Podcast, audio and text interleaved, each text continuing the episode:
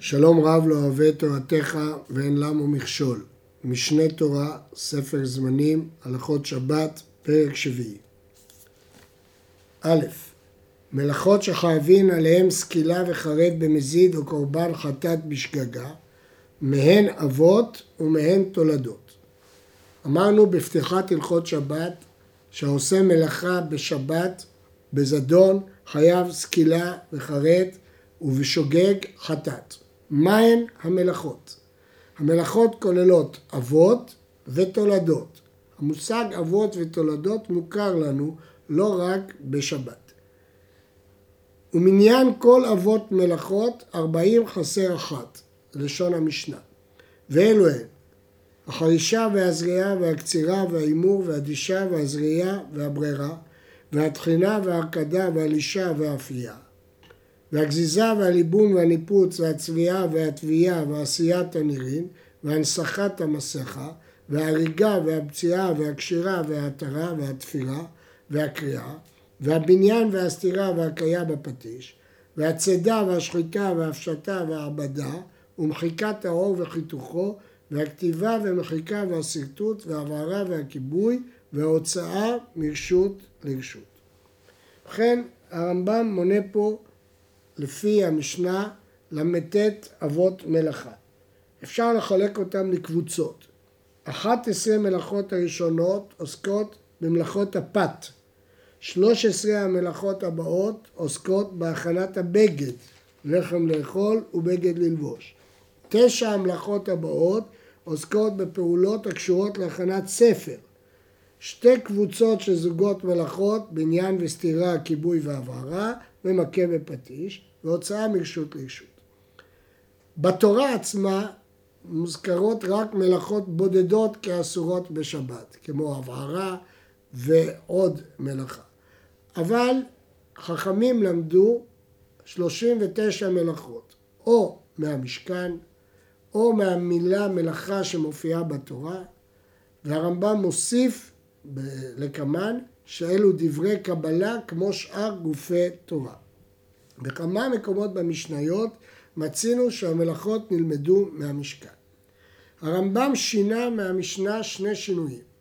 שינוי אחד שהוא הקדים את החרישה לזריעה, כמו בדרך כלל, מלבד בארץ ישראל, שגם אחרי הזריעה חורשים לכסות את הזרעים. דבר שני, שלשון המשנה הוא הזורע והחוצר, החורש והקוצר, והרמב"ם הפך את זה החרישה והזריעה והקצירה. הרמב"ם מוסיף, כל אלו המלאכות וכל שהוא מעניינן, דהיינו כל המלאכות הדומות להם, הן נקראות אבות מלאכות. מה פירוש עניינם? מושג חדש. כיצד הוא עניינם? אחד החורש, או החופר, או העושה חריץ, הרי זה אב מלאכה, שכל אחת ואחת מהם חפירה בקרקע ועניין אחד הוא. אלה אינם תולדות. כל אלה אבות מלאכה. וכן אחד הזורע זרעים או הנוטע אילנות או המבריך אילנות או המרכיב או הזומר כל אלו אב אחד הם מאבות מלאכות ועניין אחד הוא שכל אחת מהם לצמח דבר ומתכוון. וכן אחד הקוצר תבואה או קטנית או בוצר ענבים או גודל תמרים או מוסק זיתים או עורי תאנים כל אלו אב מלאכה אחד כל אחת מהם לעקור דבר מגידולם מתכוון והדרך זו שאר האבות. כן הרמב"ם מחדש חידוש שיש הרבה יותר אבות מאשר 39. 39 הן העקרונות, אבל יש מלאכות דומות להן. הדוגמה הבולטת ביותר, אופה ומבשל. אופה ומבשל הן שתיהן מלאכות מעניין אחד. הם לא שני עניינים, זה לא אב ותולדה. גם הנוטע והזורע זה לא אב ותולדה, הם שניהם אבות. גם הקוצר והבוצר. בתוך הדברים הללו הרמב"ם הכליל גם זומר. בזה הוא חולק על רש"י, שסובר שזומר זה תולדה, והרמב"ם רואה את זומר כאב, כי אין הבדל בין זומר לבין נוטע וזורע, שניהם מצמיחים את האילן. כן חידוש הרמב"ם בהגדרת אב מלאכה. נוסיף ונאמר ההגדרה הזאת של הרמב"ם יוצרת קושי, שאם כן יש יותר מ-39 אבות מלאכה. הרמב"ם לא ראה בזה כל קושי. כי הוא ראה את אבות המלאכה כמה שהיה במשכן, אבל גם הדומים להם עדיין הם אבות. ואם כן, יש לשאול, אם כך, מהי תולדה? אומר הרמב"ם, תולדה היא המלאכה הדומה לאב מאלו האבות. כיצד? המחתך את הירק מעט מעט לבשלו, הרי זה חייב, שזו המלאכה תולדת תחינה, שהטוחן לוקח גוף אחד וחלקו לגופים הרבה, וכל העושה דבר הדומה לזה, הרי זה תולדת הטוחן. כלומר, אין דמיון מלא בין חותך ירק לבשלו לבין טוחן. אבל יש דמיון מסוים שהם שניהם מחלקים גוף גדול לגופים קטנים.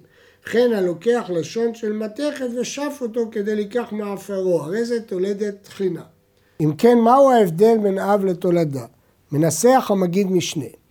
כוונת רבנו היא שכל מלאכה שהיא דומה לאב בדמיון גמור, אלא שחלוקה ממנה באיכות הפעולה או באיכות הנפעל, הרי זו אב כמותה. אבל אם דומה לה רק במקצת, היא הנקראת תולדה. אם כן, תולדה היא מלאכה דומה לאב, אבל שונה ממנו. מה שאין כן, מעין אב, זה מלאכה שהיא ממש כמו האב, אלא קוצר ובוצר, אופה ומבשל, נוטע וזורע, שאין שוני בין האב לבין הדמיון לאב. זהו חידושו של הרמב"ם. הוא מביא דוגמאות נוספות. הלוקח חלב ונתן בו קיבה כדי לחבצו, הרי זה חייב משום תולדת בורר. הרי הפריש את הקוד מן החלב. ואם גיבנו ועשהו גבינה, חייב משום בונה. שכל המקבץ חלק אל חלק ודיבק הכל עד שיעשו גוף אחד, הרי זה דומה לבניין. ולכן גם במגבן, לפי הרמב"ם, הוא בונה. וכן לכל מלאכה ומלאכה מאלו האבות, יש להם תולדות על דרך זו שאמרנו.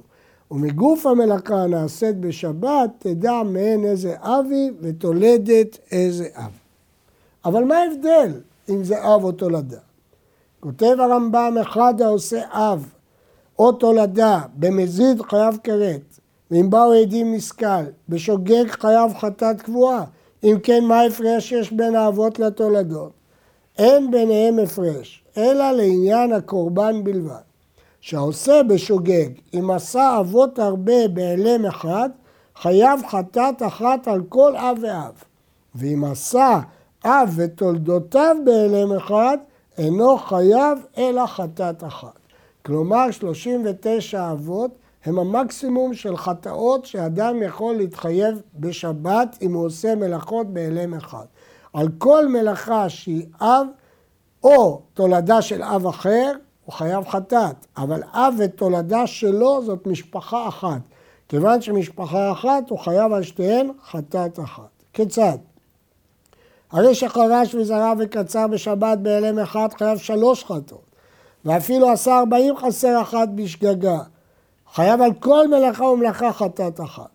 אבל אם טחן וחתך הירק, אינו חייב אלא חטאת אחת, שהרי לא עשה אלא אב אחת ותולדותיו. וכן כל כיוצא בזה.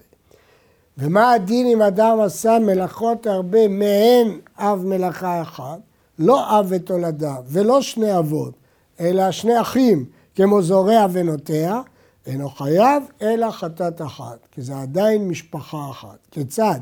הרי שזרע ונטע והבריך והרכיב וזמר בהלם אחד, אינו חייב אלא חטאת אחת, שכולם אב אחד הם, וכן כל כיוצא בהם. נשים לב שהרמב"ם מסביר בזה מדוע הוא מנה רק ל"ט אבות מלאכה. כי בעצם כל הדומים להם וכל התולדות שלהם לא מרבים חטאות. אבל אבות מלאכות שונים מרבים חטאות. יש להעיר שישנם ראשונים שרצו לומר נפקא מינה שצריך להתרות בתולדה משם האב, אבל הרמב"ם לא הזכיר דבר זה בהלכות אלו.